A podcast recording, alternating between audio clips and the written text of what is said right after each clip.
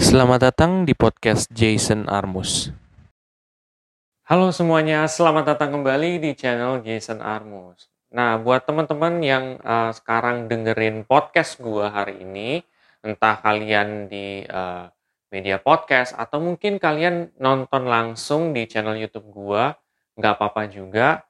Nah, hari ini gue pengen menyampaikan tema yang cukup penting juga yang sempat menjadi pertanyaan juga di channel gue, yaitu tentang reksadana bisa diwariskan atau tidak sih? Nah, jadi mungkin gue akan sharing apa yang gue tahu tentang hal ini.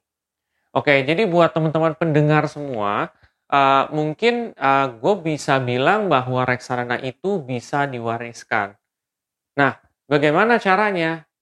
Sebenarnya ada uh, lebih dari satu cara ya.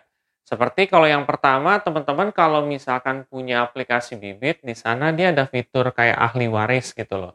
Jadi kalian bisa uh, lengkapi data-data itu. Jadi kalau if anything happen terhadap kalian selaku investor, ya kan, itu bisa di nanti uh, dibantulah gitu loh karena adanya fitur itu gitu. Jadi nanti bisa dikasih ke ahli warisnya seperti itu.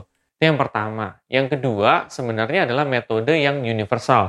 Dalam arti, kalian mau pakai aplikasi apa aja, sebenarnya nggak jadi masalah. ya. Oke, kalian mau pakai aplikasi Ajaib, Bibit, Bareksa, atau apa pun aplikasi reksadana kalian, itu tidak jadi masalah.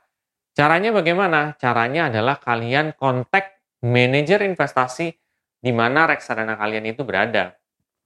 Misalkan, manajer uh, reksadananya Sukor Invest Money Market ya berarti kan dia merupakan bagian dari manajer investasi Sukor Asset Management kan. Ya udah, coba kontak Sukor Asset Management.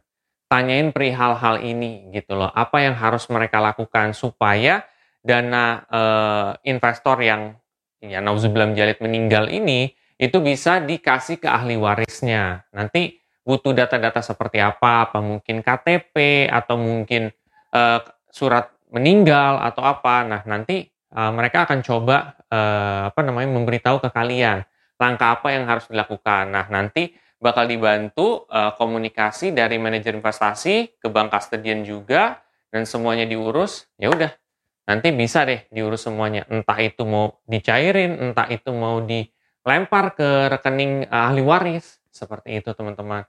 Mudah-mudahan info singkat ini dapat membantu teman-teman pendengar yang ada di uh, rumah atau mungkin lagi jalan-jalan sekarang, nggak apa-apa juga sih sebenarnya.